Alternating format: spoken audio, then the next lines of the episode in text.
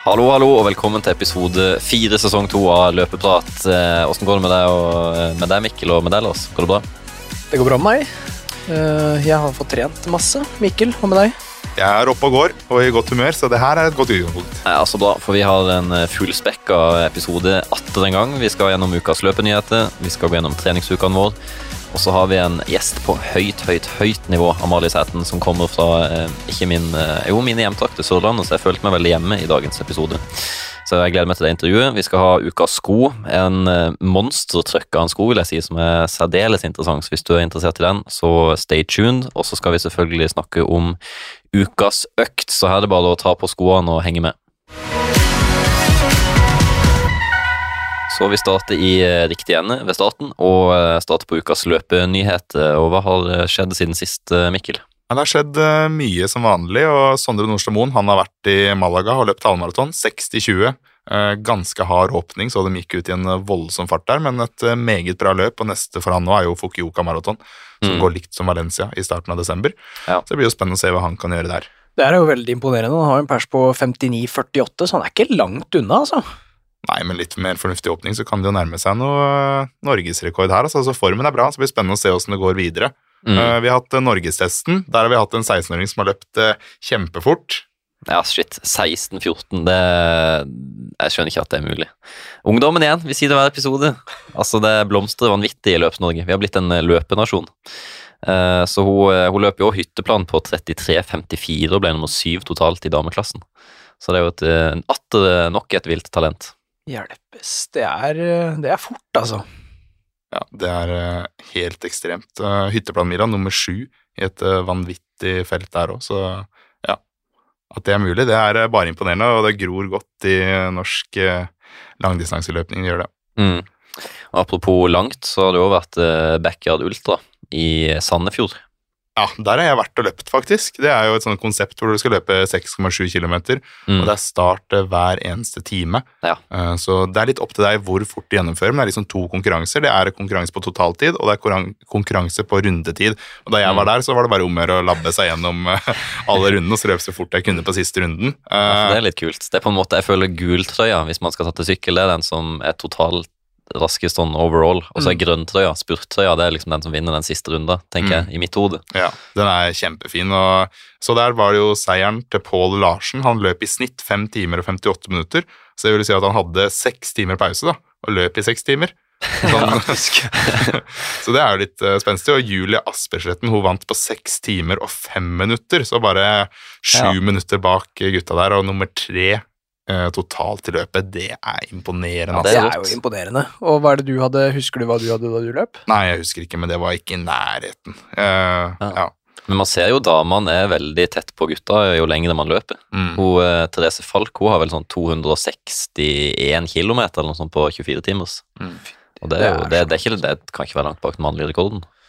Nei, jeg har tenkt å prøve meg på Backyard Ultra sjøl. Jeg syns det høres ut som et kult konsept. Mm. Jeg hadde reist på det. Jeg tenkte meg til Sandefjord i år, men eh, så var det at jeg meldte meg på Spartan Race i Roma, så da ble det det istedenfor å løpe en 80 km tre uker før jeg skal dit. Det, det blir i hardeste laget, altså. Ja, kanskje løpeprat stille deg der neste år. Ja, Prøve å tapensere pallen, vi tre. Ja, det er moro. Men åssen er liksom løypa der? Er den grei?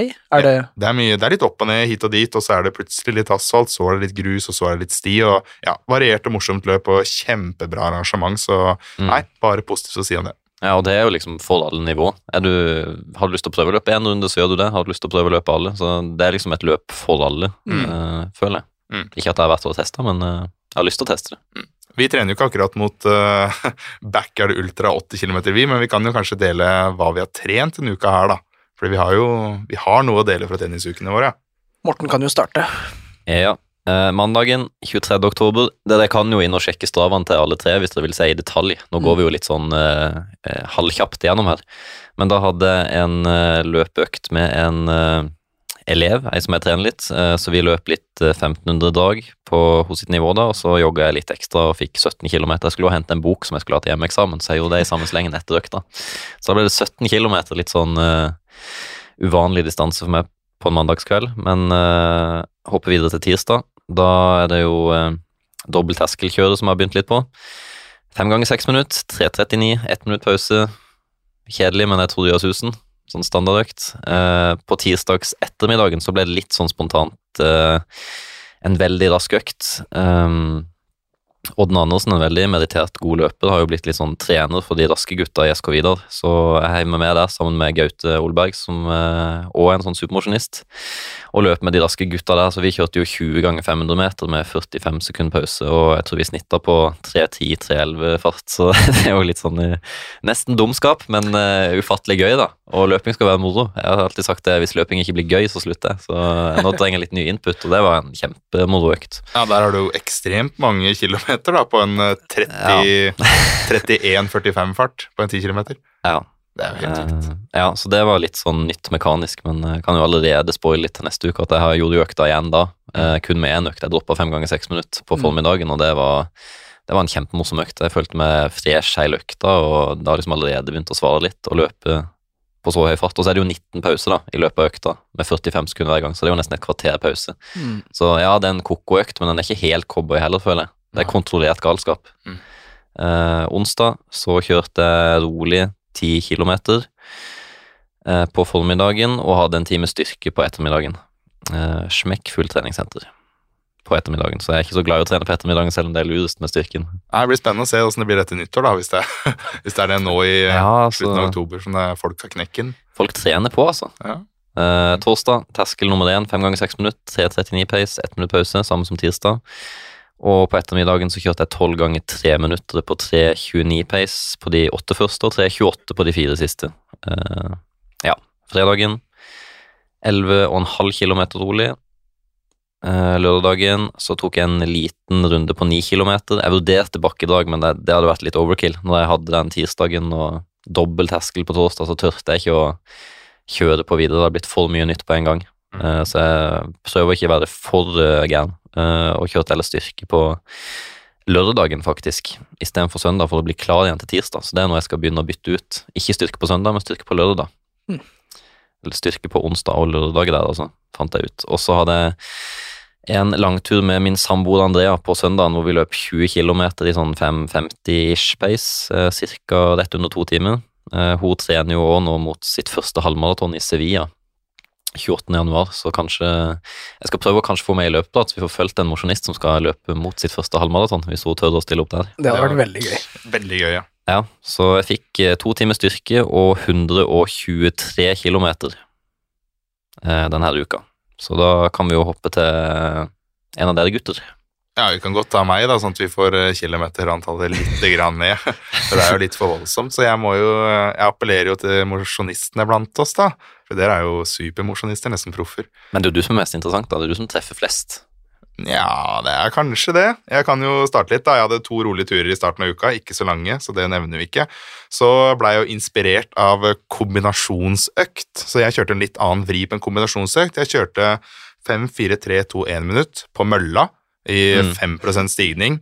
Uh, og så kjørte jeg rett på romaskinen, samme økt, 5-4-3-2-1 minutt. Oi. Og så hadde jeg 90 sekunder på alt. Så da Ja. fikk jeg jo en halvtime intervall på to forskjellige bevegelsesformer, og siden jeg trener mot Spartan Race, så jeg trenger både en god løpekapasitet oppover, for det er en del Mm. høydemeter, og jeg trenger også overkroppsstyrke og utholdenhet, spesielt på slutten av det løpet, for der kommer det noen rigger som er veldig tett. Mm. Så jeg tenker jo, da tok jeg løpinga først, og så tok jeg romaskinintervall etterpå, hvor man fokuserer litt på uh, hele kroppen, da. Så jeg håper jo det skal gi meg litt, da, når det nå er eh, tre uker igjen. Uh, dette var på fredagen, og på lørdagen så kjørte jeg en eh, langtur. Kokosbolle på Turefjell kalte jeg den. Da løp jeg opp på fjellet eh, Ja. på Flå, 617 høydemeter, 1 time og 52 minutter. eh, 18,7 km, så får meg jo en god tur der, og jeg føler Ja. at det er noe uavhengig om jeg hadde trent mot en halvmaraton eller maraton, eller om jeg bare trener mot et Spartan Race, eller ikke trener i noe som helst, da, så gir det en sånn tur meg mye. Mm. Blir godt grunntrent, Ja. jeg. Ja, man blir det. Så får man Mm. litt variasjon, og kjøpt seg kokosboll. det er bare kos, vet Ja. du. Hadde du med hund Børre Snusk, eller? Nei, Børre Snusk han var eh, hjemme den dagen, han hadde løpt en Ja. tur tidligere på dagen. Ja, okay. Så han, han er ikke fan av Han kjører ikke dobbel. Nei, nei. Nei, hvis, han, hvis han skal ha det, så skal han ha minst seks timer mellom. Ja. Så han er litt sånn, det der var tre, så det er, ja, blir litt for voldsomt da. Ja. Hvis dere vil se Bøddesnusk, så er han på din Instagram, er han ikke det? Jo, han er på Insta, og han, eh, han blir å se der, han er et eh, han er up and coming. Ja, han er kjapp i steget. Han er det. På søndagen så kjørte jeg eh, en eh, litt eh, ja, annen type økt. For de som er faste lyttere og løpeprat og har vært det lenge, så har jeg drevet gått litt med dekk. Så jeg tok på meg det igjen, tar på meg en sånn vest med et dekk bak. Så gikk jeg oppover bakken av 315 høydemeter og 8 km sammen, da. Mm. Da var Børre med. Han løp i ring. Da var Børre med. Så han kjeda seg veldig, for det går ikke fort. Så det ble 1 time og 3 minutter med beinslit. Så oppover går det veldig sakte, men det fine med dekk er jo at det, er så tungt at nedover skal man jo løpe som man gjør flatt. Ja, okay. Og da blir plutselig den der eh, belastningen nedover oss, og sjukt mye mindre. Mm. Så ja, det er jo litt fordelen her, og så blir man ekstremt sterk i legga og Du har kjørt ganske mye høydemeter denne uka der, da. Jeg skulle til å spørre deg hvor mye høydemeter, for jeg hadde 673 høydemeter. Jeg tror du har litt mer. Ja, jeg har 1063, men da har jeg ikke med høydemeterne fra mølla. Uh, for de får jeg ikke inn. Så Nei, nei. forrige uke hadde jeg jo 1100, nå hadde jeg ja, sikkert rundt 1300-1400, da. Så Mm. For de høydemeterne som kommer i Roma, så håper jeg at jeg er bedre rusta enn det jeg var i London i april. Så nei, det blir spennende å følge med. Totalt for uka så hadde jeg ikke så mye, jeg hadde 44,7 km, en rointervall og litt over fem timer med styrketrening. Så ja. Ja. Da Mye rute- variert trening. I rute til Roma. Ja, vi gjør litt forskjellig, og ja, det blir spennende. Tre uker igjen, Spartan Race. Det er eh, 10 km, 25 hinder, og så får vi se hvor fort det går. Over til deg, Lars. Over til meg. Eh, mandag så kjørte jeg 25,22 km, en uh, uvanlig distanse for meg å kjøre på en mandag. Eh, 256 høydemeter og fart på 4,37 per kilometer.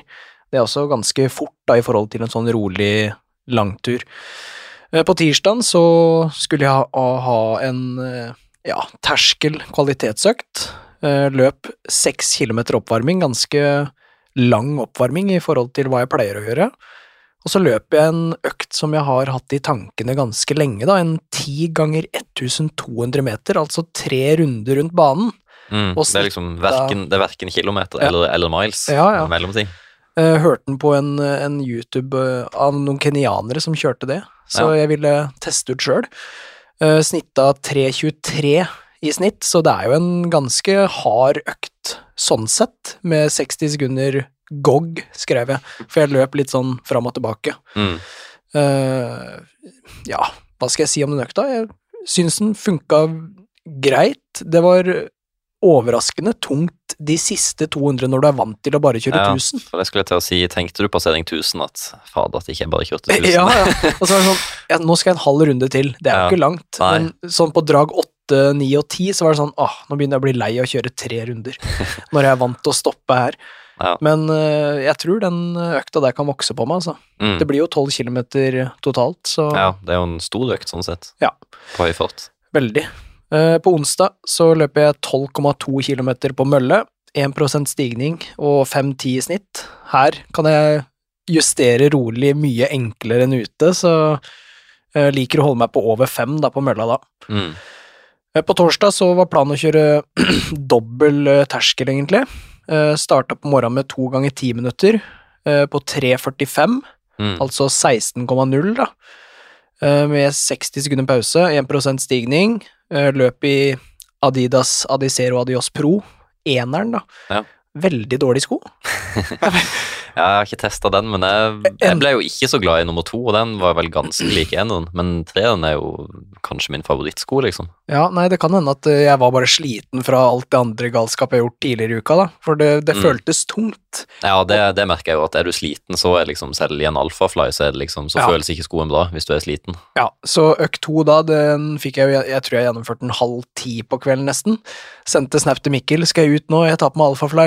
Løp eh, rolig eller la være, sa han, eller, og så sendte jeg snap at jeg løp rolig da, og da Ja. sa han at eh, bedre det enn å løpe hardt. Mm. Og det kjente jeg jo, for det var blytungt. Jeg var sliten i huet, lang dag. Mm. Uh, ja, så kun, trene kunne kanskje vurdert å bare droppe det. Ja. Det hadde nok vært det beste. Ja, man skal liksom, så liksom, seint eh, med søvn og sånn òg. Mm. Komme da, og så man kommer ut dagen etterpå.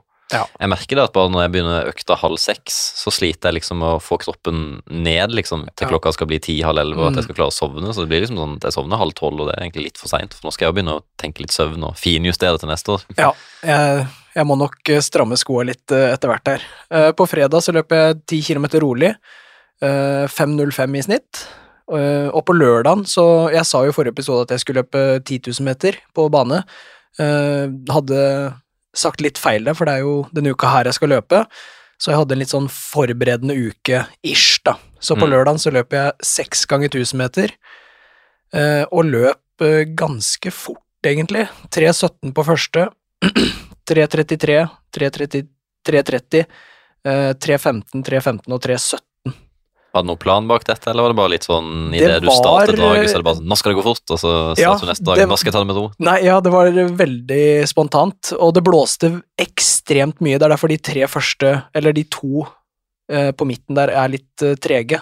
For den første, den, den tror jeg hadde gått nesten på 3.05, hadde det ikke blåst. Okay. ok. For jeg, det føltes som at jeg spurta, og jeg tenkte sånn, ok, det her må være sånn Kiptum pace. Tenk om jeg tikker inn på 2.55 nå. Så jeg var liksom inni var der, der da ja. Ja. og løp med alfafly og kosa meg, de, de, de alfaflyene som har gått eh, 600 pluss kilometer, eh, og tenkte bare ok, nå, det her går fort, og så tikka det, og så kikker jeg ned, så bare å ja, det var bare 317. Men det her er jo ikke fort. Og så løp jeg enda en litt mer kontrollert, da, men prøvde å ta i også en del. Eh, Og da var det liksom 3.33 og 3.30, og så på veien tilbake så løp jeg ja, jeg vil si samme intensitet, og, og så tikka det på 3.15 og 15 og 17, da. Mm. Så jeg tror eh, hadde det ikke blåst så mye, så hadde det, hadde det gått kanskje litt raskere. Men meninga bak økta, det var egentlig bare å få en utblåsning som Ja, som jeg Jeg vet ikke om jeg trengte det noe særlig før, eh, før 10 000 på bane, men det ja, føltes bra.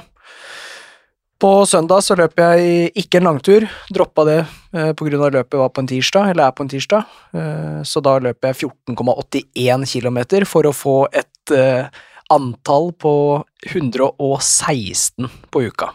ja. Du visste at du måtte ha 14,8 for å få 116 blank, eller? Ja, jeg, jeg løp med telefonen i handa, så da jeg hadde 14,5, så kikka jeg Hvor mye er det jeg hadde? Så, så kikka jeg, og da løp jeg til 80, da, så jeg fikk et rundt og fint tall på uka mi. Mm. Ish, rundt og fint. Skal vi gi terningkast eh, totalt på oss tre, trening, for treningsuka? Oi, oi, oi. Skal vi gi hverandre? Eller totalen, da? Fem. Gitt jeg meg, jeg gir meg en toer. Det er sånn der, det er bajastrening, Ja, sånn cowboytrening. Ja, det, Det er er litt- sånn det er cowboy ja. Nøkkelen til å bli skada, da, men hel- uheldigvis så blir jeg ikke skada, eller hva, hva skal jeg si? Ja. ja da, da sier jeg fire, da. Ja, totalt. Ja, totalt. Ja, ok, jeg kan være med på den. Vi trekker opp veldig. Jeg føler jeg hadde en god uke, og det må jeg si du hadde òg. Ja, jeg hadde liksom en cowboyøkt, men jeg hadde kontroll på den, føler jeg. Ja, og altså- tok hensyn til det i ettertid. Kjempegod opplevelse, som er Ja. noe av det viktigste. Mm. Så, nei, vi trekker deg opp her, Lars, men det er fint, det. Det er, det er veldig snilt, det setter jeg veldig pris på. Jeg syns det er bra jobba, alle tre. Ja, det er bra. Skal vi eh, hoppe litt videre, da, til ei som har eh, veldig kontroll på treninga Ja, si? Ei som faktisk har peiling kontra oss tre. Vi har fått inn en eh, kjempegjest i Amalie Seten, så det er Ja. bare å nyte. Yes. Da er vi i Løpeprat så heldige å ha fått besøk av en av de bedre kvinnelige løperne i Norge. Velkommen til Løpeprat, Amalie Sæthen. Tusen takk. Jeg har vært og sett litt, og du har en nydelig andreplass på Ytterplanvilla. Du har vært med i VM i Budapest i år, og du har flere NM-gull. I tillegg har du pers på 1500 meter på 4.08,08. Du har eh, 3000 på 8.57. Du har 5000 på 15.27, og så fant du en tid på 200 meter fra 2015 på 27.04. Hvilken Oi. av disse tidene er du mest eh, fornøyd med? Det må fort bli den 200-meteren der, altså. Nei, det Jeg syns det er litt vanskelig å si, og jeg tror kanskje sånn med, eller med toppidrettshodet her at det er vanskelig å bli fornøyd med tider. Jeg er ikke så veldig fornøyd med 408, og jeg er ikke veldig fornøyd med 1527. Eh, men hvis jeg skal liksom trekke ut én av de, så er det kanskje totalopplevelsen rundt det. At eh, 408 i VM, på en måte det å ta, ta den tida i VM, det er jeg fornøyd med. Vi kan jo snakke litt mer om eh, VM seinere, men eh, hvem er egentlig du? Du kan jo fortelle lytterne litt, eh, så vi får en, et bilde på hvem du er. Ja, jeg er fra Kristiansand. Det er noe man alltid begynner med når man skal introdusere seg selv, og jeg er 25 år. Jeg bor i Oslo. Flytta hit da jeg var 19 for å gå på folkehøyskole. Eh, også etter det året på folkehøyskole så begynte jeg på sykepleien. Så jeg er utdanna sykepleier, eh, men jobber ikke som det nå. Eh, det er ganske vanskelig å skulle kombinere det med løping og liksom det å på en måte ta de stegene som jeg har lyst til å gjøre med løpinga. Så akkurat nå så jobber jeg bare som trener ved siden av. Um, ja, hva mer skal jeg si? Nei, det holder massevis, det, men eh, du trener jo ekstremt mye, og hvor kom egentlig den treningsinteressen fra? Er det noe Starta det med et eller annet? Det gjorde det. Jeg har alltid vært aktiv. Eh, jeg liker å Jeg likte å spille fotball, håndball, eh, men det var ikke akkurat der jeg fant mestringa. Eh, Fram til jeg da i et skoleløp fant ut at ok, løping, det, det funka for meg. Så begynte jeg på friidrett.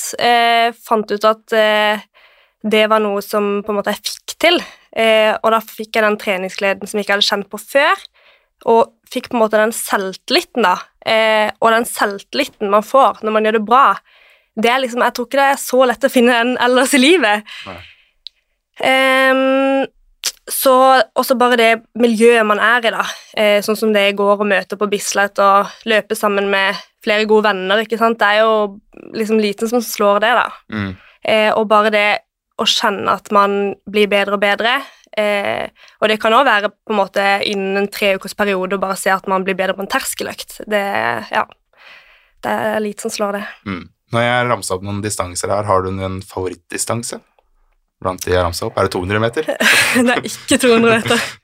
Eh, Det blir fort eh, 1500, altså. Det er noe med den der eh, farta du får fra start, og, eh, og hvis du virkelig er i god form, så gjør det på en måte ikke så vondt heller, du bare flyter. Eh, men når du ikke er i form, så kan du få syre fra første 200, eh, og av og til så kjennes det sånn ut selv om man er i form. Mm. Så, men det er noe med den der at du det krever mye fartsressurser, men det krever også veldig god terskelfart. Og jeg syns bare det er veldig sånn spennende å jobbe innenfor det området, da. Eh, samtidig så har jeg blitt mer og mer glad i lengre ting. Eh, det trodde jeg ikke jeg skulle si, og før i tida så syns jeg ikke det var gøy når folk kalte meg langdistanseløper. Eh, for det stammer jo fra 800, det var det jeg starta med som liten. Eh, og ja, så det er på en måte 1500 som er favorittdistansen, men at jeg ser jo også at jeg har kanskje potensial for å løpe fortere på 5000, så jeg syns jo det frister mer og mer da, å prøve å løpe raskere tider. Mm. Det er forståelig. Men uh, oppsummering av sesongen 2023, du snakker jo om 1500 her. Det var jo, er det høydepunktet, det som skjedde i Budapest, eller har du noen andre høydepunkter du vil trekke fram? Det er absolutt et uh, høydepunkt, eh, fordi i starten av sesongen så starta det jo ordentlig, ordentlig dårlig. Eh, da måtte jeg bare prøve å konkurrere meg opp fra null, følte jeg. Eh, fordi jeg hadde vært matforgifta og ting ikke funka. Eh, og så begynte jeg å konkurrere uten å være i form i det hele tatt. Fikk mange konkurranser hvor jeg løp på 4.15, som var langt bak det jeg skulle ønske. Eh, og så eh, dro jeg til Kina for å løpe student-OL, eh, og da gikk det best på 5000 der med en fjerdeplass. Eh, så Ja, da var du tett på bronsen, var ikke? Var ikke det sykt lite om å gjøre? Det Jo, det var så nærme. Vi kryssa målstreken var ikke meninga å samtidig. hive salt i såret, Ja, men men det- nå. Det, Ja, det er faktisk litt salt i såret Ja, det. sorry. er Men, eh, Dritirriterende. Det var bra levert uansett. da. Takk. Nei, men det var sykt irriterende, og jeg tror bare det var jo ekstremt høy luftfuktighet og Mm. ekstremt varmt. Eh, og det å eh, løpe der og ha med hodet på slutten Jeg tror jeg kobla litt ut, så jeg glemte Mm. egentlig å spurte. Eh, og så når jeg kom på det, så var det litt for seint. Hadde jeg bare starta bitte litt før, så hadde jeg stått på den pallen, så det er egentlig veldig irriterende. Ja. Men um, Men det er kult å ha på CV-en uansett. da. OL, eh, OL-viben, liksom. ja, det eh, var Men hadde du mange dager i forkant på å bli akklimatisert, eller var det ganske sånn rett på? Jeg hadde vel seks dager, eh, men før det så fikk jeg lov å være litt i varmerommet på Olympiatoppen. Eh, Da løp jeg på 12 km i timen i 40 grader og høy luftfuktighet. Eh, så det kjente jeg, men jeg tror den der varmeeffekten er undervurdert. Altså. Jeg merka at etter det så fungerte kroppen sykt bra. Mm. Så når jeg kom hjem fra Kina, da hadde jeg jo på en måte vært gjennom en forkjølelse der, eh, trent litt rolig, men jeg var jo også litt jetlag og sånn, men formen var jo sykt mye bedre. Så den tok jeg på en måte med meg til VM, eh, og mange ville jo tenke at det ikke var optimalt å være i Kina før VM, men Ja, det eh, er jo litt sånn tidsforskjell og Ja. leising og det var det, men jeg hadde jo egentlig faktisk slått fra meg VM også, fordi eh, jeg var jo lå veldig, veldig på grensa på det rankingsystemet da. Eh, Ja. Og så fikk jeg jo vite eh, den samme kvelden jeg ble slått, eller kom på fjerdeplass, så var ganske irritert, så fikk jeg melding av 'gratulerer, du har tatt ut til VM'. Eh, så det var jo en liten opptur da, men eh, Så det var på en måte ikke helt inne i planene mine å reise til Kina, men likevel så tror jeg ikke det var noe negativt, da. Nei. Åssen var den eh, perioden da mellom Kina og eh, Budapest? Hvordan, altså, når du fikk den beskjeden, da, ble det noen endring i treninga inn mot eh, VM, eller? Ja, fordi plutselig skal du på turné, Ja. liksom. Løpeturné omtrent. Ja. Plutselig litt sånn spontant. Ja, og det var jo liksom Jeg var jo rundt 10-12 dager i Kina, og så var jeg hjemme i én til to uker, og så var det på en måte ti nye dager i Budapest. Mm. Så det var jo ikke mye tid, men da gjaldt det bare å på en måte skru ned litt, på en måte la kroppen bare hente seg inn igjen, og så dra til eh, Budapest, rett og slett. Mm. Det var ikke så god tid til å gjøre så mye annet, og den formen jeg hadde, det var den jeg leverte i VM, på en måte. Så ja. Høydepunktet blir altså da VM. det blir VM, og det å på en måte være eh, i et VM og stå på startstrek med så mange gode løpere og se at man ikke er så langt bak, det Mm. gir jo mersmak. Mm. Eh, så er det jo sånn at man ser at jeg har litt å gå med på slutten der og sånn, men jeg er egentlig ganske fornøyd med hvordan jeg løste ting eh, Mm. i løpet, og føler at jeg på en måte tok et steg fra EM i München i fjor. Da gjorde jeg jo alt feil. Nå gjorde jeg ting litt mer riktig. Ja, for jeg så det løpet, og du løp veldig rutinert, og det var liksom ikke noe stress i starten, og du hadde liksom den roen, jeg husker jeg, i løpet, og du leverte jo et veldig bra løp, synes jeg. Det var bra disponert, så det ut som. Takk. Eh, ja, jeg tror nok jeg gjorde det meste riktig ut ifra hvor jeg er i dag, da. Mm. Eh, det hadde jo vært gøyere å vært der og selvfølgelig vært et steg opp, men man er jo ikke det. Eh, og da tror jeg jeg løste ting ganske riktig. Og så når jeg kom i mål da, så trodde jeg jo egentlig at eh, tida jeg løp på var skikkelig dårlig. Ja. Jeg trodde det gikk kjempesakte, så det sier litt om egentlig hvor bra dag jeg hadde. Mm. Så det var veldig gøy. Åpenbart så har du gjort noe riktig for å komme deg til VM, så vi må litt innom trening. Eh, hvilket system er du da? Er du på den eh, norske modellen, som alle kaller det, med dobbel terskel og osv., eller eh, er det et annet system? Eh, nå er det det, ja. Nå er jeg veldig inne i den modellen. Det er nesten litt sånn flaut å si det, men samtidig er det så åpenbart, fordi man ser jo hvordan man lykkes når man gjør det. Eh, samtidig er det ikke veldig mange kvinner som har eh, løpt med den modellen og gjort det veldig bra. Vi har jo Karoline som løper helt supert, eh, men det er ikke veldig mange på 1500 ellers, så jeg lurer jo litt på om det er forskjell på kvinner og menn der, eller om man kan lykkes på samme måte. Eh, men jeg prøver i hvert fall, jeg har veldig troa på det og ser at jeg får fremgang, og da fortsetter man jo med det. Og jeg tenker at en god treningsplan er den som kan holdes over tid. Eh, og eh, før, eh, før jeg starta med den treneren jeg har nå, altså Knut, han, eh, da hadde jeg en polsk trener, Thomas Lewandowski, og det var et veldig annet system. Og det var, det var liksom Jeg har ikke på en måte like stor tro på det systemet for min del, så jeg har liksom fått testa litt forskjellige ting òg, hva som funker og hva som ikke funker. Mm. Hva vil du si er den største forskjellen på de to systemene? Eh, måten jeg trente på med Thomas, det var mer eh, eh, mindre mengde, veldig mye mindre mengde. Eh, det var mye mer drill, mer fart. Eh, det var en del terskel, men han definerte sona litt annerledes. Eh, og så var det mer hardt i litt høyere fart. Eh, noe som jeg tror gjorde meg god på 800. Eh, så hadde jeg satsa 800, så hadde jeg nok løpt litt mer på den måten, tror jeg. Eh, men det var sjelden to løpeøkter om dagen, og det var, det var ikke mye trening, egentlig. Men det Nei. kan jo godt være at hadde jeg på en måte vært på det nivået i dag og trent på, den modellen, så hadde jeg kanskje ligget litt høyere i mengde, da. Mm. Eh, men det at jeg på en måte nå kan løpe litt mer mengde, få inn mer intensitet og ha kontroll og faktisk ha et opplegg jeg kan følge, eh, som gjør at jeg holder meg skadefri og kan få den kontinuiteten, det tror jeg er eh, nøkkelen. Mm. Hvordan ser en sånn typisk treningsuke ut nå, hvis du, du kan bare ta for cirka fordeling da, på antall rolige økter, KTS-økter? Em, jeg har jo egentlig dobbel tirsdag, og det er jo klassisk, um, klassiske økter. Um, men det som kanskje skiller litt uh, måten vi gjør det på kontra andre, er at vi har litt lengre pause, eksempel, på 400 meter og sånne ting.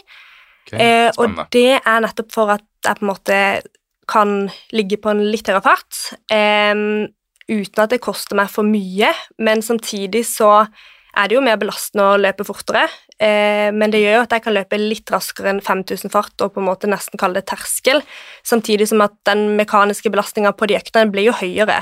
Eh, men på en måte i forhold til mitt totalvolum så har jeg på en måte kunnet tillatt meg selv å gjøre det.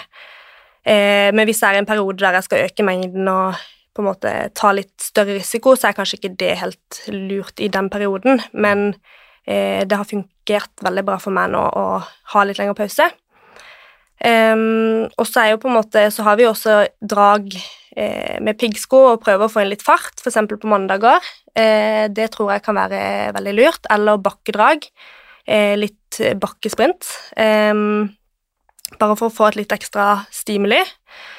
Eh, og så har jeg jo egentlig ikke kjørt så veldig mange dobbeltøkter på torsdager til nå, men det er nok noe jeg kommer til å begynne med det året her. Mm. Eh, kjøre eksempel seks minutter eller åtte minutter på morgenen, og så 1000 meter på kvelden. Klassisk. og så har jo egentlig jeg ofte hatt fri på fredager, og det er jo litt sånn den, Det er mulig den dagen også ryker nå. Eh, for det er litt sånn at nå må jeg også stramme litt eh, flere skruer. Um, Altså, Tar du helt fri, eller er det fri anførselstegn hvor du bare jogger rolig, eller tar noe styrketrening? rolig, eller? rolig jogg er ikke fri, vet du. Nei, så nei. så eh, før eh, Da er det fri-fri, liksom. Ja, For noen det kan var det være fri. ja. Nei, men det har eh, vært fri eh, Ja, ja. tidligere. Men eh, i fjor hendte det at jeg kunne få løpe litt eh, på fredagen likevel.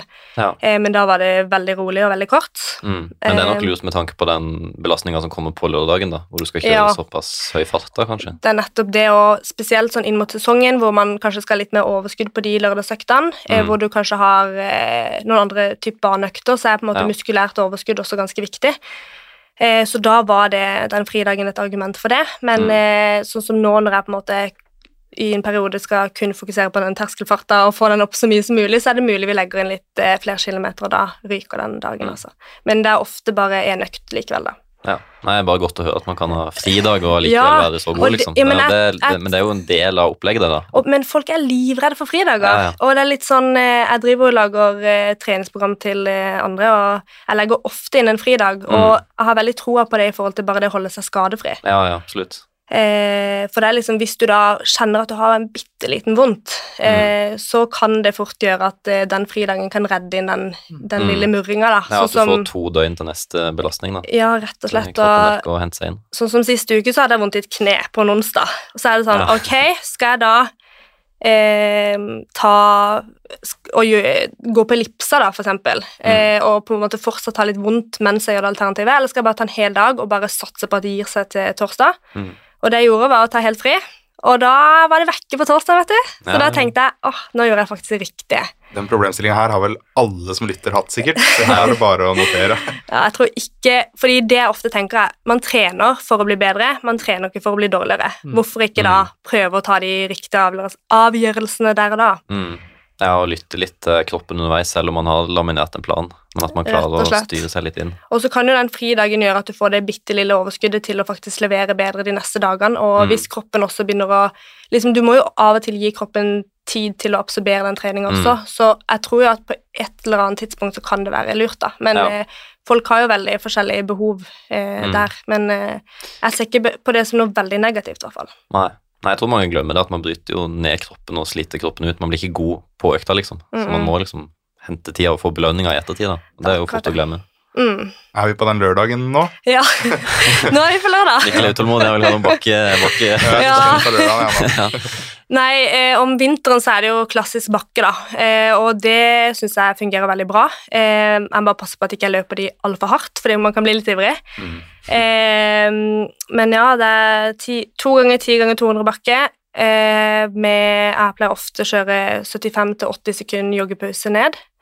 Eh, gi meg selv noen ekstra sekunder bare for å liksom være mentalt klar for neste dag. Kan du gå litt på slutten før du snur og liksom Ja, igjen? ja. Mens alle andre bare går rett ned og rett opp, mens jeg Ja. bare cooler, cooler Mm. ned litt. Grann, da. Eh, det syns jeg fungerer bra. Og så har jeg ofte noe kort og lett på lørdag kveld, og styrke. Jeg pleier å kjøre styrke på en hard dag, eh, i hvert fall på lørdager, og det blir jo veldig sånn mye belastning den dagen, men jeg Mm. syns det fungerer ganske bra. Eh, fordi da blir det litt som de amerikanske eh, sier, 'hard days are hard'. Eh, Mm. Sånn at jeg da får to dager før en dobbeltterskeldag igjen. Ja. Så jeg syns faktisk det har fungert eh, kjempebra å bare la den dagen være hard. Eh, men så har jeg den andre styrkeøkta på onsdager. Mm. Det er mulig jeg må justere det nå, nå som jeg er dobbel-dobbel, eh, men fordelen med å ha det på en onsdag er at jeg faktisk har en styrkeøkt med litt overskudd. Eh, Ja. Hvis man da tar den økta på onsdag kveld og ikke onsdag morgen. Mm. Det er i hvert fall noe som eh, har fungert her. Og søndagen, hvor lang er langturen? Eh, vi fokuserer faktisk ikke veldig mye på langtur, i hvert fall ikke til nå. Eh, ofte har en langtur kanskje vært eh, 70 minutt. Mm. Eh, I Mm. sesong er det kanskje bare 60. Eh, men nå i programmet har jeg spotta 18 km på det lengste de Mm. neste tre ukene. Så det er ofte bare én økt på søndag og ikke veldig lang, lang tur. De, Intensitet, eller sorry, men uh, fart på det, er det rolig? Helt rolig. ja. Men jeg er ofte ganske sliten etter lørdagen også, Ja. så jeg har ikke lyst til å er løpe noe- fort. Så det på en måte holder. Ja, så lurte jeg bare på Hvor sliten er du på slutten av den bakkeøkta? Er det litt sånn Ikke all out, men er du oppe og, og snuser litt på veldig høy innsats på slutten? Ja, og det er sånn jeg kan jo måle Noen ganger kan jeg måle fem, andre ganger, andre ganger kan jeg måle ni. Eh, på det verste i fjor så hadde jeg vel 13. Ja, Og det, det, er, det er litt eh, hardt. Og det har jo liksom, dere har funnet ut at jo slakere bakken er, jo høyere måler man. Mm. Og hvor hardere blir det egentlig, for da løper du jo fortere. Ja. Eh, det blir jo det samme at hvis du løper en ba eh, baneøkt ganske hardt, så kan, man jo, kan jeg måle 19-20, Mm. ikke sant? Og det, det er jo fordi du løper raskere, rett og slett. Mm. Du sier at du trener folk, hvis vi skal dreie oss litt mot mosjonister og sånn, da. Hvis du f.eks. trener mot en 5000 meter, da, 5 km, Mm. eh, hvor langt tenker du at eh, draga burde være på intervall? Og åssen tenker du i forhold til langtur, da, hvis du trente mosjonist mot en 5 km? Mm, hvis vi tar det med intervall først, så tror jeg at du kan faktisk komme på et ganske bra nivå uten å trene så mye fart. Eh, det tror jeg. Eh, fordi det handler bare om å få bedre kapasitet, bedre terskelfart, og det kan du gjøre med lange intervaller. Men jeg tror at det er ganske lurt å øve seg litt på å løpe eh, i raskere tempo, altså at du får bedre arbeidsøkonomi på litt eh, raskere hastighet. Eh, det kan vi jo spørre Morten om. Han var med meg på en 400-metersøkt nå, og så snakka med han i døra at han løp en 500-metersøkt i går, og sa allerede at det kjentes bedre ut. Og Mm. det er nettopp litt av grunnen til at jeg ser på det som ganske positivt, at du får den spesifikke fa- farta litt eh, oftere. Eh, og det må jo ikke nødvendigvis være at man løper på bane eller sånn, det kan jo være litt belastende hvis man ikke har gjort for mye av det. Eh, da kan man også kjøre på mølle, eksempel. Eh, hvis man da eksempel har 45-15, det er en annen måte å løpe i litt raskere tempo på. Fordelen med det er at du slipper akselerasjonsfase og du slipper bremsefase. Eh, du bare kan flyte i en høy fart uten å på en måte få det for mye mekanisk. Så det er liksom det å finne ut også hvordan du kan klare å løpe billig i høyere fart. Um, ja. Ja. Ja, og så var det langtur. Så på langturen, ja. Bør den spille spiller den noen rolle når du trener mot 5 km? Jeg tror jo ikke det er det viktigste. Jeg tror bare at du kommer opp på et greit totalvolum, om du på en måte splitter det opp i to rolige turer eller løper en langtur. Mm. så lenge du på en måte får de kilometerne, så er det det viktigste, eh, vil jeg si. Og så er det jo det å få inn intervaller og eh, finne riktig intensitet på de intervallene, da. Mm. Så eh, jeg tror jo bare mange har mye å gå på når det gjelder å bare få tid i høyere tempo. Ja. Og få opp den terskelfarta, og det kan jo gjøres med både korte intervaller og eh, lengre intervaller, men på en måte kanskje inn mot løp også få, litt, eh, få noen spesifikke økter, så det ikke blir et sjokk å gå ut i litt raskere fart. For de som har hørt eh, intervjuet med Ingrid Kristiansen, så er det jo litt i vinden det her nå med pauser. Med joggepauser. Ja, det er det en krig nå i løpet av Norge. Det er det. Hva som er best. Ja. Mm. Hva er dine tanker der? Stå, gå eller eh, jogge i pausen? Det, litt sånn ut ifra på en måte en, sånn For min egen del så pleier jeg å stå. Eh, jeg liker det best. Eh, fordi jeg tenker på en måte kvaliteten på hvert drag er det viktigste for meg. Den farta. Eh, mens for en mosjonist som kanskje har litt vondtere, og hvor på en måte farta blir en begrensning, så kan jeg se på joggepauser som en god ting, bare for å få en bra mengde og eh, tåle intervallene litt bedre. For da kan du løpe litt roligere, rett og slett. Mm. Eh, så på noen har noen av de jeg trener, har ofte noen joggende pauser, eh, bare for å holde farta nede, mens andre har jeg ofte bare stående pauser, altså. Jeg tror, eh, Mm. tror man kommer langt med det. Vi må en eh, liten tur innom sko, da. Du var så vidt innom det i stad, men det med piggsko. Åssen er tilnærmingen din til piggsko? Er det noe du har hele året, eller noe du eh, trapper opp når det nærmer seg sesong? Fordi baneløp, som for de som ikke veit det, da, så løpes det med piggsko. Så åssen er tilvenninga di der? Eh, da er det jo sånn at jeg liker å være innom piggsko hele året. Eh, da prøver jeg for én økt i uka. Og, men når sesongen nærmer seg, så blir det jo ofte to, og det blir jo mer spesifikke økter. Og da er det jo sånn at det blir en gradvis tilvenning med flere og flere drag med piggsko, og så til slutt kan man løpe en hel spesifikk økt i piggsko, da. Og piggskoene er jo såpass snille nå at det skal ganske mye til at det på en måte blir en risiko. Men jeg ser på det for eksempel For meg er det veldig viktig å gjøre tåhev. Ja. Eh, bare for å tåle det også. Eh, bare for at eh, akillesene mine er ganske skjøre, og hvis jeg ikke tar de tåhevene, så får jeg vondt. Så eh, det har jeg i hvert fall funnet sånn i løpet av sesongen, så må jeg huske å gå inn på treningssenteret og faktisk ta de tåhevene med tunge vekter. Ja. er undervurdert. Faktisk. Ja, det tar jeg hele tida. Jeg tar det opp til tannpussen, og det er jo nevnt i poden nå. Tar 50 på morgenen og 50 til kvelden, og så har jeg tåhev med styrke da på de to styrkeøktene i uka. og mm. Bare liksom få det inn fast. For da, da får du det på en måte såpass tungt eh, på, Ja. styrke, eh, på styrkerommet. Ja, Men hvis du gjør det hjemme, så blir det litt mer sånn utholdende styrke. det gjør det. Det er to forskjellige typer øvelser, da. Så jeg Mm. anbefaler jo alle å på en måte gå der og gjøre det med vekt. Mm. Eh, og gjerne med en knekkekne eller gjør det sittende, da, så du får den soleus-muskelen, da. Eh, det er jo den du bruker mest når du løper, den som ligger helt innerst i leggen. Eh, ikke den der gastroknemisukus med strakt kne. Eh, så jeg er veldig på det å gjøre de sittende, da. Nå hørtes det ut som det var mye kunnskap her, så nå må vi grave litt Ja, nå har vi litt anledninga her. Endelig fått litt IQ inn i studio her. Ja, ja.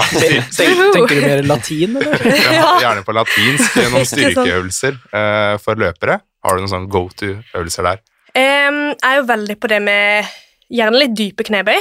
Eh, 90 grader. Em, nå skal jeg faktisk eh, på Olympiatoppen i dag og få litt eh, oppfriskning i styrkeøvelser, så det kan jo godt hende at jeg endrer mening etter i dag. Men eh, jeg tror bare det å bygge en robusthet, eh, få de, den vekten på skuldra som er bra for beintetthet, som er viktig når man løper, eh, og spesielt hvis man trener mye, så er det viktig å få de litt tunge, rett og slett. Eh, men en annen øvelse som jeg mener alle burde gjøre, det er hip trust. En absolutt must-øvelse, fordi du må klare å få fram hofta når du løper, du må klare å bruke muskulaturen bak. Eh, så det er liksom number one-øvelse, egentlig. Er du da med at du ligger har stanga over hofta? Ja. Eller er du i maskinen? Eh, du, er, du kan gjerne være i en beautybildermaskin eller ja. på, med stangen på hofta. Og så liksom pass på at du får fram hofta helt når du gjør den bevegelsen. Mm. Det er viktig. Ja, den har jeg vært litt for dårlig på i det siste, faktisk. Den må du gjøre. Den er min, min favoritt. Så nå til jeg har kjørt med uten vekter bare, men kanskje jeg må legge på litt eh, belastning. Det kan være lurt. Eh, Det er jo det på en måte å få den maksstyrken på det der, Mm. for å faktisk virkelig bli sterkere. Ja, hvor mange reps er det sånn cirka? Hvor mange sett? Eh, Det kan Akkurat nå så gjør jeg fire ganger tolv. Det var det vi fikk eh, på, Ja. på programmet nå, men eh, jeg har egentlig pleid å kjøre alt fra tre ganger ti til tre ganger seks. At du på en Ja, måte gjør det tyngre og tyngre. Mm. At du til slutt på en måte Det skal være ganske tungt, da. Ja. At du har to til tre reps i reserve, da. At Mm. du prøver å få ganske mange effektive repetisjoner når du gjør Mm. det. At det faktisk er tungt nok. Ja. Den skal jeg teste ut. Det tar jeg med meg videre. Yes. Eh, Sånn som oss i podkasten, så er jo aktivitetsnivået er jo skyhøyt, og i den forbindelse må man jo spise mye. Kosthold er viktig. Har du noen sånne tips til hvordan man kan få i seg nok, som egentlig er problemet mitt, i hvert fall. Ja. Altså de som trener mye. Eh, for meg, det å liksom Det å spise nok, ja, det er som du sier, det er det aller viktigste man gjør når man løper mye. Mm. Eh, du skal tåle såpass store treningsmengder, og du skal faktisk klare å restituere, og da må faktisk kroppen ha energi til å kunne utføre det arbeidet. Og eh, det som er det viktigste, er på en måte eh, at hvert måltid er såpass Eller jeg tenker bare det å få spist jevnt gjennom hele dagen, det er det Mm. viktigste. At ikke det går for mange timer, og at man får i seg mye av energien tidlig på dagen. Mm. Eh, jeg snakka med en ernæringsfysiolog, og hun sa det at det, hun tror det kommer til å komme studier på sammenhengen mellom for lite matinntak tidlig på dagen eh, sammenligna med tretthetsbrudd. da. Oi. At veldig mange løper på tom mage, Mm. eh, drar på jobb, spiser en liten lunsj, kommer hjem, og så på kvelden så eh, spiser de resten av kaloriene sine. Mm. Eh, og så på en måte det å ligge for mye av dagen med for lite energi, det er veldig negativt, eh, fordi det kan forårsake reds eh, og gjøre at du får eh, dårlig beintetthet, for brudd, eh, får lave testoverdier, for lave østrogenverdier, som er veldig negativt for restitusjon da, og veldig mye annet. Ja, Mm. for det er, jo, det er jo alltid noen som tenker at «Å, nå skal jeg begynne med løping og jeg skal gå ned i vekt og liksom Mm. spare på inntak. Det er jo en litt sånn farlig vei å gå hvis man Mm. gjør det i lengden. da. Veldig. Så jeg tenker jo alltid å si det til folk som spør, at bare spis nok liksom og tren, så går liksom ting litt av seg sjøl. Så bare legg vekt til der det er vekt, ned i vektfokuset. Ja, og der eh, tror jeg fokuset er altfor stort. Mm. Eh, det er litt sånn en stor feil som jeg tror mange gjør på mitt nivå, og på dårligere nivå, er at de tror at de må tune inn mot sesongen, og da handler det om å på en måte skulle ta marginer. Og hvis de da skal prøve å ta de marginene før sesongen, eh, løper kanskje greit på den vekta, og så begynner de grunntrening, og så går de ikke opp i vekt igjen. Da Mm. syns de det er så deilig å flyte på den vekta, ting går Ja. lett, så går de ikke opp. Da vil du på en måte få det som kalles problematisk reds, når du på en måte holder det lave energiinntaket gjennom Mm. hele året. Ja. Og da vil jo alle de der konsekvensene komme, og Mm. det er ikke bra, altså. Så jeg ser jo mange som burde ha gjort en bedre jobb, da, eh, både på mosjonsløp og på toppnivå, liksom. Det er eh, veldig mye å hente på det. Mm. Så de som på en måte skal gå ned i vekt, de må ha kontakt med helsepersonell, fordi Mm. det er vanskelig å på en måte skulle endre den tanken når du skal opp igjen, da. Mm. Brannfakkel her. Det Men, er det, eh, altså. Mm. Ja, men uh, smågodt og sånn godis, har du noen sånn go to, og hvor ofte spiser du? Jeg spiser jo smågodt hver dag. Ja. og kanelboller. Og, men det føler jeg jo er premien som jeg liksom kan gi meg sjøl for at jeg er flink og er aktiv og flink ute, og å løpe. Så må jeg liksom ha litt premie og sånn. Og det tror jeg er viktig. Men har du noen sånn favoritt? Eh, har du is eller chips eller et eller Jeg er veldig glad i is, men liksom min go-to er jo liksom eh, brownie med saltkaramell. Det er liksom Jeg klarer ikke å stoppe det. Og, men jeg er jo veldig glad i sjokolade. Det er, Ja. det er det det går på. Det er jo liksom sånn når man har trent bra, Mm. dobbelt tirsdag, dobbelt tirsdag, eller om man, nei, torsdag, eller om man har én intervall eller langtur, så føler jeg at man på en måte fortjener en belønning. Ja, og- det kan jeg tenke på på slutten av økta. Liksom, Ja, ja. ok, fem dager til nå, og så er den brownien hjemme og venter, liksom. Ja, det er veldig stor motivasjon, spesielt på Mm. lørdager når jeg har en såpass hard dag. Da er det bare hjem og gønne, liksom. Mm. Og det er jo mye mer bærekraftig òg. Det holder jo lenger da enn at du skal tenke ja, nå skal jeg hjem, og så skal jeg være flink i anførselstegn og spise salat, liksom. Det går ikke. Nei. Det, det, nei, det funker ikke, ass. Det, det er ikke verdt det. Nei, det er ikke det. Det her er så enkelt, men likevel så vanskelig Ja, det ja. Ja, men jeg syns egentlig bare det er så enkelt, for jeg elsker mat.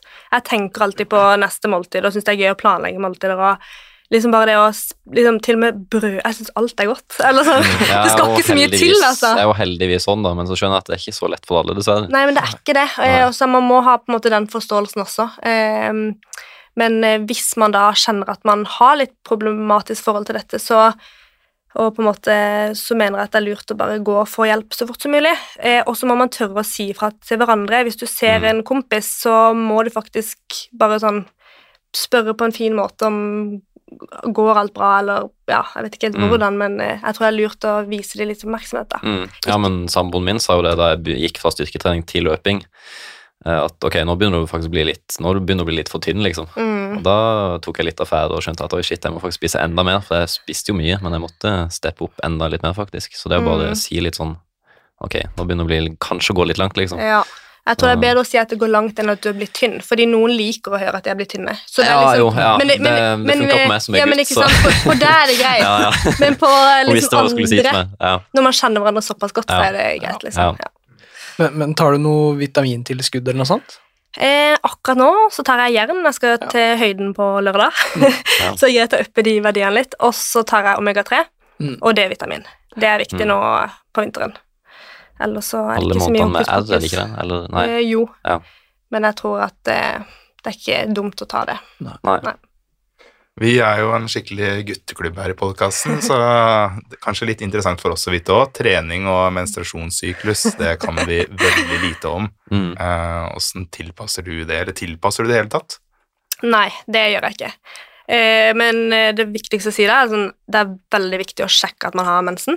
Eh, noen eh, går jo på prevensjon, og da det kamuflerer jo ofte en menstruasjon. Og da er det viktig å ta den timen til, eh, til gynekolog og faktisk få sjekka verdien om ting er som det skal. Mm. Eh, det tror jeg er veldig, veldig viktig. Ellers så har ikke jeg hatt så veldig lyst til å ha fokus på, eh, på eh, menstruasjonssyklus i treninga, og det er jo fordi en konkurranse er når en er, eh, hardøkta er når en er, men det viktigste der er likevel da å ta hensyn til dagsform. Eh, dagsformen varierer uansett, eh, så der kjenner jeg liksom at Sånn som når man skal vurdere en økt, så ser du jo hvordan følelsen er. Og hvis du da kjenner at du har en skikkelig drittdag, kanskje det ikke er dagen for å pushe, da. Mm. Eh, det er mer sånn jeg tar hensyn til. Alltid lytter til kroppen, da. Mm. Og det er litt der jeg kanskje har vært kjent for tidligere, at jeg er ofte en person som er ganske forsiktig. Eh, at jeg ofte heller, som sagt, tar den fridagen istedenfor å ta for stor risiko. Eh, så kommer det kanskje til et punkt hvor man må tørre å ta større risiko. Eh, men eh, jeg tror det er viktig da å på en måte stole på seg selv der. Godt svar. eh, nå har jo vinteren kommet for fullt. Det er jo eh, isglatt ute, og i den forbindelse så er det mange som skal inn på mølla. Åssen er ditt forhold til å løpe på mølle? Det blir mye mølle, altså. Det blir det. Mm, Er det fast gjennom hele året? Det er fast gjennom hele året. Um, nå, sånn som denne uka her, har jeg vært veldig mye på mølle. Med en gang det kommer litt snø, vet du, så trekker jeg inn på Olympiatoppen. Ja, du har luksustilgang der. ja, det er i hvert fall ikke så mye folk som på Sats og sånn. Jeg slipper å stå i kø. Ehm, Men ehm, jo, det blir mye mølle, og jeg har det gjennom sommeren også, eh, bare for å ha de kontrolløktene mine. Så syns jeg også det er veldig greit å ha liksom det Sånn som når jeg skal til høyden, da. Få gjort den 1000-meterøkta på mølle, sånn at jeg kan sjekke på samme mølle når jeg kommer tilbake, hvordan er laktat, hvordan er terskelfart. Um, Ja, er du litt sånn loggfører du alt og Det har full koll i hodet på at sånn, sånn, sånn har det vært? Sånn, sånn Ja. må det være nå. Hvis ikke så blir jeg misfornøyd. ja, Er det litt sånn? jeg blir veldig sånn. Men det er der jeg også må prøve å legge fra meg litt av og til, at det er ikke den ene treningsdagen som teller, det er Mm. totalen, liksom. Mm. Mm. Dagsform kan gå opp og ned, Ja. mye som spiller inn. Men jeg kan fort bli litt eh, opphengt i det. Eh, men det er der jeg bare må tenke prosessen. Mm. Det er det viktigste. Ja, Ja. lange prosessen. Nå sier du at du trener på Olympiatoppen. Der har du fast mølle, da. For jeg lurte litt på det. Eh, Åssen det er i forhold til det når du skal på ny mølle. Står det seten på mølla? og- det gjør ikke det, og av og til blir det en annen mølle der. Men det er jo som for eksempel før så var det noen andre Woodway-møller enn de Woodway-møllene som er der i dag, og de var, de var mye lettere å løpe på enn de som er der nå. Ja. Så det er liksom sånn Woodway er ikke Woodway, liksom. Det må man alltid ta høyde for. Så nå blir det jo bare å finne ny referanse på de møllene der oppe. Det blir nok en del mølleløping der òg, eh, selv om eh, det blir også at vi drar ned og får løpt litt på lavlandet også. Åssen er det fart ute kontra på mølle? Um, ute, det kommer an på hvor ute man løper. På Voldsløkka, for eksempel, det er jo ganske seigt, vil jeg Mm. si. Mm. Eh, der kan jeg liksom Jeg vil tenke det er for min del på den mølla jeg løper på, og Voldsløkka, så er det i hvert fall Kan det være seks-syv sekunder, nesten. Ja. Eh, mens Bislett nå har jeg egentlig løpt der på lenge. Og jeg løper ikke 1000 meter på bane og sånn, så um, Men jeg vil si at eh, mølle som regel er ganske raskt. Mm. Det, jeg løper ofte fort mølle. Må huske på her at eh, det er en kalibrert mølle, mest sannsynlig. da. Sånn Ja, at alle det- som hører på her, ja. ikke tror at, alle møller går like fort. Nei, så, Det Nei, de kan, de kan lyve litt, ja. Både Ja. opp og ned på fart. og det jeg ser folk gjør når de skal gå på mølle, så registrerer de eh, klokkekilometer. Mm. Hvem søren stoler på det? Nei, det, Det kan de ikke gjøre, altså.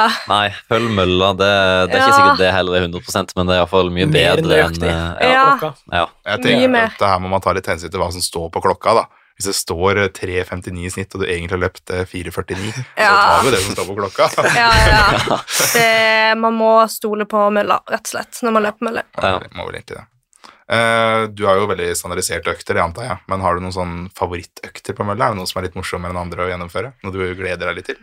Mm, det blir ofte 45-15, da. Mm. Eh, ofte kan jeg bytte på å gjøre 400 meter og 45-15, og det er jo egentlig bare fordi det tillater meg høyere fart enn hva jeg løper på 400 meter. Mm. Så eh, jeg syns jo det er gøy å løpe en litt sånn progressiv 45-15-økt. Eh, ellers så blir det jo liksom De mølleøktene jeg har, er jo 45-15, 1000 meter og 6 minutter. Så jeg syns jo liksom det, det er veldig enkelt å stå opp eh, tirsdag morgen og gå og løpe seks minutter, liksom. Da føler jeg bare at jeg får det gjort. Det er liksom ikke noe hokus pokus. Eh, men så syns jeg det er gøy på 1000 meter å liksom prøve å løpe litt fort. Og måle, liksom måle lavt og løpe fort. Det er jo noe man liker. Så når man får til en god 1000 meter økt på mølle, syns jeg det også er nesten det gøyeste. Altså. Den eh, 45-15-økta, hvor mange drag har du der? Eh, 30 ofte. Ja. Av og til 25. Så det varierer litt, da. Kjører du det progressivt? Eh, ja. Øker hvert drag, eller annethvert, eller? Eh, ofte så prøver jeg å begynne på en hastighet som jeg på en måte synes jeg, jeg vet er liksom terskel. Mm. Ikke for langt under terskel, det ser jeg ikke på som noe relevant i det hele tatt. egentlig. Bare prøve å liksom legge seg rett på terskel, og så på en måte kanskje holde den i fem drag. Ja. Og så kjenner jeg at det går lett, da begynner jeg å øke. Eh, så egentlig løper jeg meg ganske inn i økta. Det og så varierer jo farta veldig ut hvor jeg er, da. Jeg merker jo sånn Jeg hadde en veldig god 45-15-økt i sommer. Da har man jo kjempemye overskudd. Mens nå når jeg skulle prøve, så ble jeg bare Får litt sånn sjokk. Ja, det var dårlig, altså. Men tar du seriepause etter ti, eller er det 30 eller Ehm, ikke noe seriepause, egentlig. Nei. Men uh, sånn som til noen av de jeg trener for, så legger jeg inn en seriepause, sånn at de kan bruke det litt mer som en hardøkt. Sånn at de på en måte Mm. får den pausen til å bare Ja, så får man kanskje litt delmål også underveis. Ja, at eh, jeg tror den pausen Jeg tror ikke det er noe negativt. Jeg tror bare det gjør at du klarer å skjerpe deg litt på de siste. Mm. Mm, det tror jeg kan være et tips Så- for noen å bruke det, ja. Men sånn som for min del nå, så har på en måte poenget vært at det skal være en terskeløft, Mm. og da er det ikke ja. ja, da er ikke det så stort poeng å skulle ha Nei, hvis man løper i VM, så trenger man det ikke. Nei. En del som hører på, har jo sikkert lyst til å prøve seg på mølleløping i løpet av vinteren. Har du noen sånne generelle tips, eller noen økttips her, kanskje, til noen som skal inn på tredemølla i vinter og prøve seg? Um, ja, økttips. Ja, for eksempel. Da, da kan de jo prøve seg på den 45-15-økta, da. Mm. Eh, jeg tror jo det er en ganske bra økt for alle, men samtidig så har jeg vært litt sånn skeptisk til det òg, for det er jo sånn Du løper jo ganske fort, Mm. så for noen blir det en litt sånn brå overgang. Eh, så det kommer litt an på treningsgrunnlaget, rett og slett. Eh, men eh, hvis du er veldig nybegynner, så kunne jeg også tenkt at liksom, det å ha litt stigning på mølla og løpe litt terskel i motbakke kanskje kan være en veldig lur måte å komme i gang med mer intervaller på, bare for å ta vekk litt av det støtet. Mm. Og det er jo det Mm. støtet som gjør at det ofte blir for mye, da. Med Ja. mindre du har akillesproblemer. Da ville jeg jo ikke anbefalt det i det hele tatt. Du trener jo litt mosjonister og sånn. Eh, vi ønsker at du skal sette opp fire økter da, til en person som jager sub 20 på 5 km. Noen eh, tips, et vanskelig spørsmål her nå, da. Ja. Hvis du skulle trent en person da, som skal Mm. prøve å løpe under 20 minutter, som er sånn veldig Ja, Som veldig har- mange som kjemper for den. Som har fire økter til disposisjon hver uke. Yes. Mm. Hvordan vil du fordelt det da? Sånn, kanskje noen økttips òg. Fire økter. Ja. ja. da vil jeg nok, eh, hvis vi tar hovedøktene først, så vil jeg ha én langintervall og én kortintervall. Eh, og da tenker jeg egentlig at det trenger ikke å være lenger enn 1000 meter, egentlig, på den lengste. Eh, og det blir jo ofte sånn fire minutter og sånn på ikke sant? Det blir jo mye Mm. lenger enn hva vi løper på. Mm. Så det kan òg være å bytte ut eh, 1000 meter med tre minutter. For eksempel ti ganger tre minutter. Jeg tror nødvendigvis ikke at lengden må være så veldig lang. Eh, jeg tror du kan få, kan få ganske grei effekt kun på 30 minutter. Mm. Eh, så vi kan si da ti ganger tre minutter, og så 15 til 20 300 meter eller 400 meter. Eh, eller da 45-15, at man kan veksle på de to øktene på den økt nummer to. da. Og da kan du gjerne kjøre den 45-15-økta ganske progressivt, eh, og gjerne eh, litt hardt på slutten hvis du vil på en måte få litt bedre utbytte på VO2 Max-en din. For en mosjonist eh, de har jo faktisk mye mer å gå på på sin VO2 Max enn det på en måte topputøvere har. da. Mm. Så der jeg, da tror jeg faktisk det kan være litt positivt å trykke på litt på slutten også. Mm. Hva med resten av ja, øktene her? Resten, ja. Eh, så vil jeg Jeg tror kanskje det holder med to intervaller hvis det er på en måte ganske eh, Ja, du kan jo kanskje bytte av og til da tre, men jeg tror to og to fungerer best. Eh, der vil jeg ha katten langtur. Da kan du fint ta opp mot 90 minutter. Eh, og eh, ettersom du kun har fire økter i uka. Og så den siste ville jeg kanskje hatt en 10 km joggetur eh, med styrke etterpå. Bare prøve seg, da. Er du Da har vi Lars Morten? Ja, det ser ut som en god plan. Ja, veldig. Ikke, ikke for lange drag, så den ti Ja. ganger tre minutter er jo veldig snill, da. Mm. Sånn i forhold til ti ganger fire, det blir jo ti minutter ekstra, det er jo Det blir en stor økt plutselig, Ja, det gjør det. Ja. Mm. Og så kan man jo på en måte bytte på. Ja, det er jo ikke sånn, men, men det er der er akkurat på det der med variasjon i økter Jeg tror mange varierer for mye med Ja. hva de gjør. At den ene uka så løper de fartslek, andre uka noe annet, så de på en måte får Mm. ikke noe forhold til øktene. Så jeg pleier alltid å oppfordre til å prøve å holde seg til eh, litt de samme øktene, og bare få det forholdet til det, fordi de fleste har jo ikke en laktatmåler, så de aner jo ikke. Så eh, jeg ville faktisk oppfordra til å faktisk kjøre de samme øktene en viss periode, og så kanskje begynte å variere. Men bare tillate seg å ha ganske mange uker etter hverandre med samme Mm. type økter. Bli litt kjent med systemet Ja. før man begynner å bytte for mye på en gang. Mm. Eh, Du snakka om laktat her. Vi må sveive så vidt innom det. Intensitetsstyring. Eh, brukes det puls? Brukes det laktat, eller løper du på følelse? Eh, jeg pleier alltid å sette følelse først, eh, og så laktat, og så puls. Eh, jeg bruker egentlig laktat som et supplement til følelsen. At jeg gjerne prøver å Hvis jeg løper intervaller, så prøver jeg å gjette eh, laktaten før jeg måler. Mhm. Og hvis det på en måte er ca. likt, så er intensiteten veldig riktig. Eh, men så bruker jeg også puls eh, eksempel på morgenterskel og pleier å se hvor, hvor mye måte, pulsen synker i løpet av økta eller i løpet av pausen. Eh, da vet jeg at jeg ofte er inne på riktig laktat. Mm. Hvis jeg er nede på 120-115 i pausen, så bare Det er på en måte mine tall som jeg har funnet at, at eh, det er kontrollert. Da er det på en måte riktig. Eh, Har dere noen flere treningsrelaterte spørsmål? Eh, nei, vi kan egentlig gå videre. Ja, da kan vi Ja. hoppe over på hvordan vinteren ser ut for deg, og litt eh, Nå har du vært i VM, hva er liksom det neste nå? Nå er det store målet? Det er jo mye viktig som skjer neste år. Det, det blir en Mm. veldig komprimert sesong med EM som er ganske tidlig, og så er det jo OL. Mm. Og jeg har jo veldig lyst å komme med på begge deler, og jeg ser jo at jeg er inne på ranking til OL nå, eh, men ting kan endre seg. Mm. Jeg er inne både på 1500 og 5000. Um, så det må gjøres en ganske bra jobb inn mot de to eh, store tingene. Eh, og så må man jo også bli tatt ut. Det er vel en annen komité som tar ut til OL. Eh, så det er ikke selvsagt at man kommer med selv om man har gode rankingpoeng. Eh, men for å da komme med, så må du jo da eh, komme med i mange gode stevner og få de poengene. Så det må gjøres en god jobb innendørs. Der kan du hente mer poeng enn ute ofte. Eh, så eksempel 3000 inne telles på 5000 ute. Eh, og ja, Så det kan være veldig gunstig å få noen gode resultater der, og da må jeg jo faktisk legge opp til å være litt i form innendørs. Mm. Når starter den sesongen? Eh, jeg har vel de første løpene i starten av februar. Og så okay. vil jeg prøve å komprimere sesongen så mye som mulig, fordi jeg har ikke tid. Man må få trent, rett og slett. Mm. Så Ja. det, jeg syns det er litt vanskelig, og jeg har egentlig aldri vært i form innendørs. Så, um, og nå skal jeg også teste ut eh, høydetrening, egentlig. Jeg har vært i høyden to ganger før, men nå skal jeg på en måte prøve inn i et høydetreningsregime og gjøre det flere ganger. Mm. Så jeg er veldig spent på hvordan jeg responderer på det først. Så ehm, Ja, så hvis ting funker der, så håper jeg det blir bra. Men det er jo litt sånn Det blir jo Mm. mange elementer å få inn i ett år, rett og slett. Ja. Det er EM i Roma, er det det? Eh, ja, Og OL i Paris. Det er jo ikke fæle byer å reise til. det er ikke det. Det er ikke så Ja. lenge mellom dem, da. Nei. Tenker du Hvis du blir kvalifisert til både 5000 og 1500 i EM, løper du begge de to, eller satser du f.eks. på 1500 og så går du all in på OL? Ehm, det som er at Jeg tror begge de to tingene går på samme dag. Hvis ikke så hadde jeg hatt Mm. lyst til å doble. Ja. Så det syns jeg er veldig dumt. Ja, Ehm, Du er det- ikke Sifan Hassan, altså? Nei, jeg er ikke det ennå. Men uh, egentlig vil jeg bare se hvilken øvelse jeg har best mulig sjanse på. Og først må må jeg jo kvalifisere meg, og jeg ser at direkte kravene Det er jo ikke umulig å ta de til EM. Det er 15-15 på 5000. Jeg har som sagt kun løpt én gang maks på bane, og da løper jeg 15-27, så jeg ser jo ikke på det som helt umulig. Eh, 1500 er 405 av 408, så jeg Mm. tror heller ikke det er helt umulig, men det er likevel et veldig De sekundene er vanskelig å ta, det er et steg opp. Mm. Er på skuddhold. Jeg er på skuddhold, og jeg føler liksom det er innafor å si de målene høyt, fordi det, Mm. det bør være mulig, men eh, da må man ha tatt det steget, da. Mm. Så eh, man må bare trene og tørre å ta de stegene. Og de må du ta i løp kun med kvinnelige løpere, da? Eller kan, Ja. ja.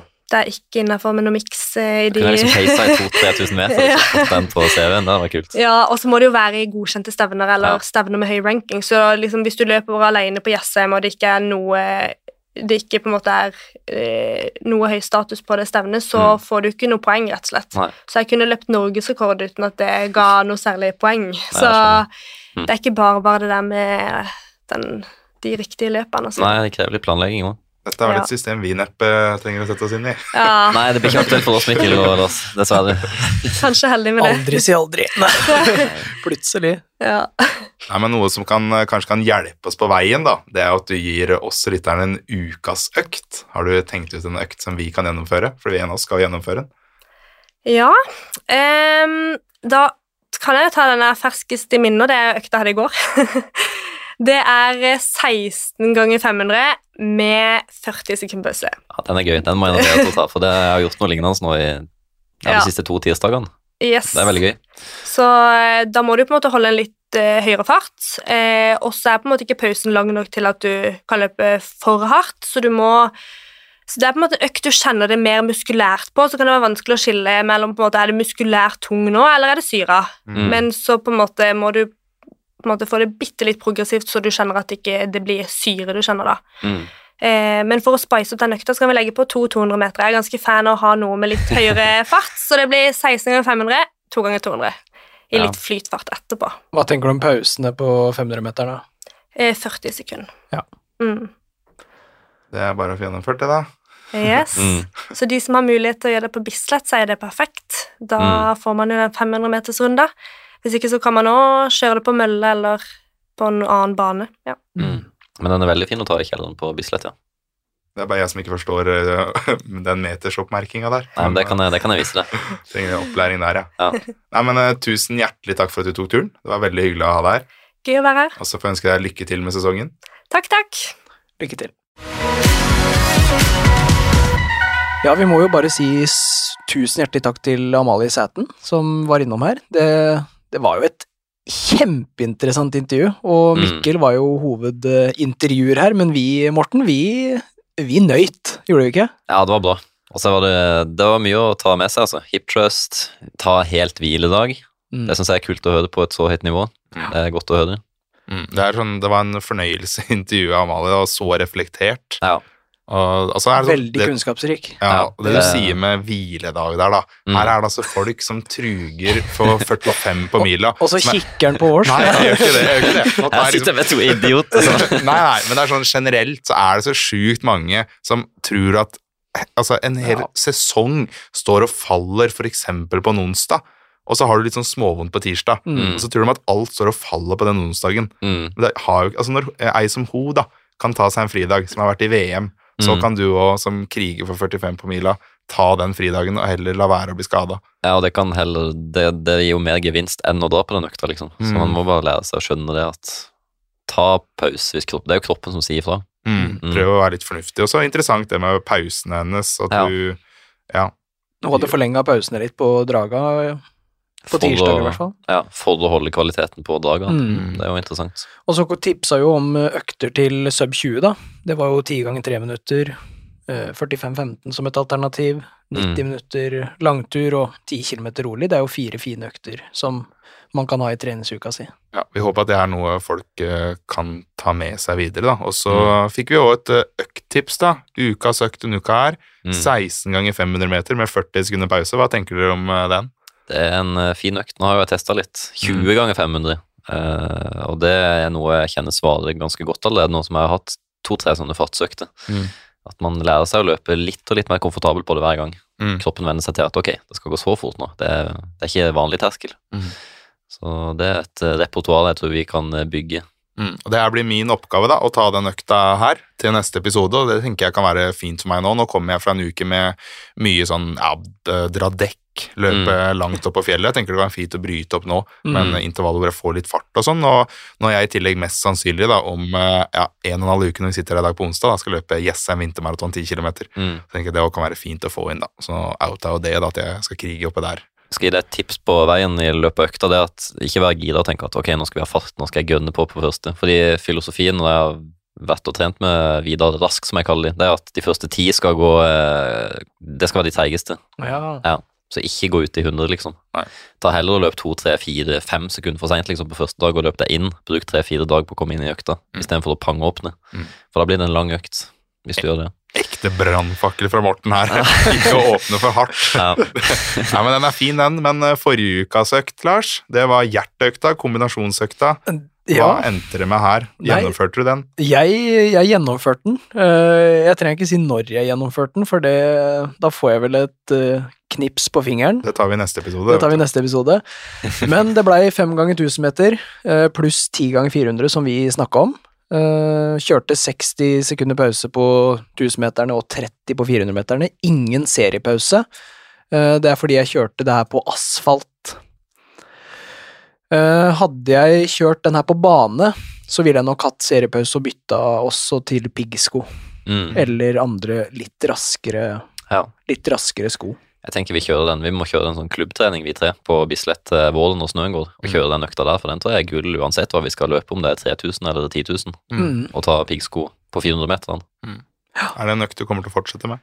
Ja, jeg satt liksom, eller på veien bort dit, eh, så tenkte jeg, ja, kommer jeg til å kjøre en økt der noe mer? Og jeg tror kanskje jeg kommer til å implementere den i hvert fall en eller annen gang i treningsuka mi, Mm. der, der den passer. For det er jo en veldig gøyal økt. Du Mm. løper 1000 meter, litt lengre drag, og så skal du til noe kortere og litt raskere. Det er jo, Mm. det er jo litt mer morsomt enn å kun kjøre det samme over tid. Mm. Så det kan være en fin trening på å løpe progressivt og ha et kick på slutten av løp. Mm. Absolutt.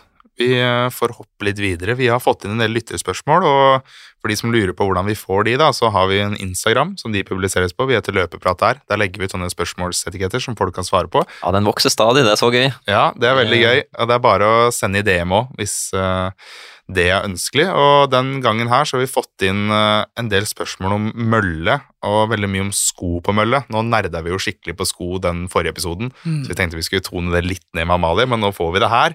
Så da får vi nesten svare på det, da. Eh, første spørsmål er eh, nå som møllesesongen snart begynner, hvilke sko vil vi anbefale til møllebruk? Og Mm. da er det sånn Uh, Har dere noen skofavoritter? Det er et annet spørsmål, da.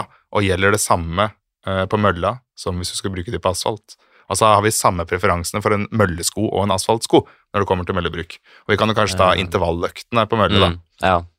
Da har det nesten det samme, men jeg er ikke like avhengig av å ha demping. Liksom. Jeg ville jeg vil ikke tatt en alfafly på mølle. Det blir litt sånn smør på flesk, da. Uh, ja. Ja, jeg har kjørt Vaporfly på mølle, da. Jeg syns Mm. det har vært veldig greit, egentlig. Og den er jo ganske dempa, men da har jeg kjørt på litt Mm. stivere møller, da. Ja. Eh, den mølla jeg har hjemme nå, der ville jeg kanskje ikke kjørt Alfafly, for den er det såpass mye demping at det da blir liksom ja, Mm. litt for mye demping, kanskje. ja. Og sånn budsjettips er jo Novablast, for eksempel. Hvis Mm. ikke du må på død og liv ha konkurranse, karbon og full pakke, men vil ha en lett og rask, morsom, litt rimeligere sko, så kan man jo gå for en Novablast. Mm. Så det kan funke bra. Mm. Lars, kom med et eh, tips. Ja, jeg kan si Vaporfly, ja. Mm. for det er den, nesten det eneste jeg har brukt. Ja, Da tar jeg Saucony Endorphin eh, Pro 2. Ja. Den har jeg løpt ekstremt mye. Det var min standardsko på mølle. Mm. Den er liksom mjuk, men den er ikke så veldig mjuk. Du må jobbe litt i skoen. Mm. Og jeg tenker det kan være en sånn fin ting å gjøre på mølla, da. Å spare de ordentlige superskoene. Dette er jo en supersko, da, men ikke Mm. samme kategori Mm. som en Alphafly. Men spare de litt, siden du får litt demping igjen for mølla.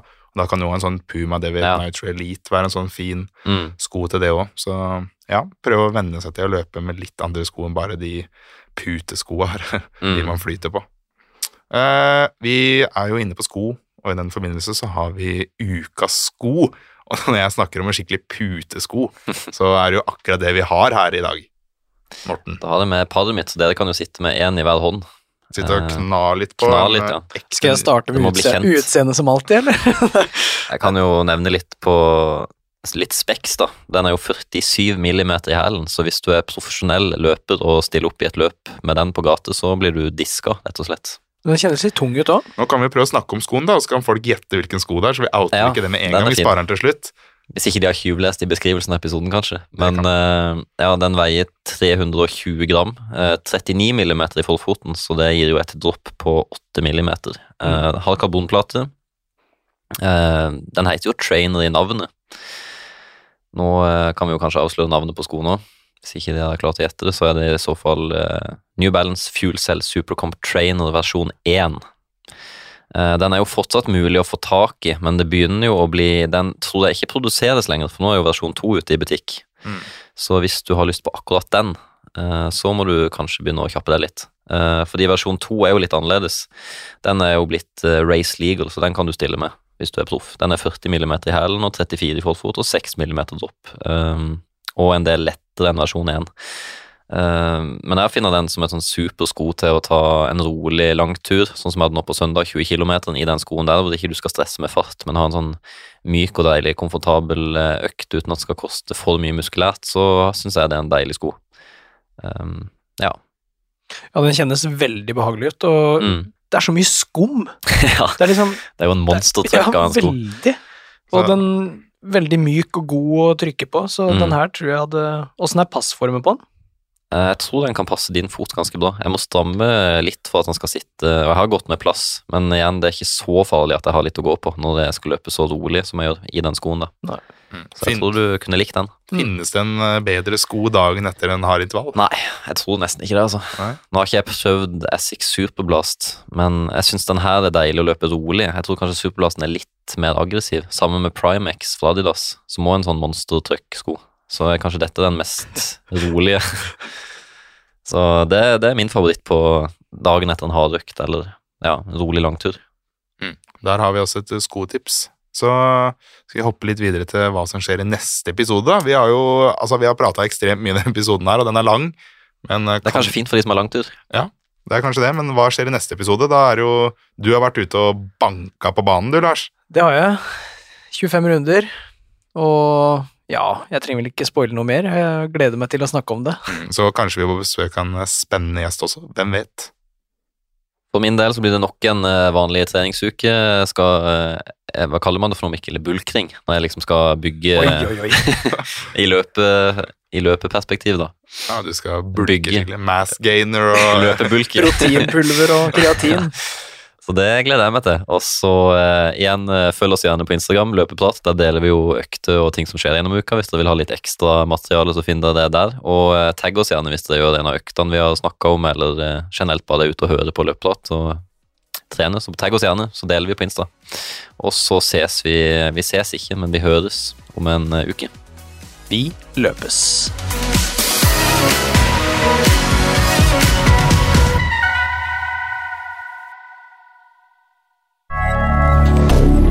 Moderne media.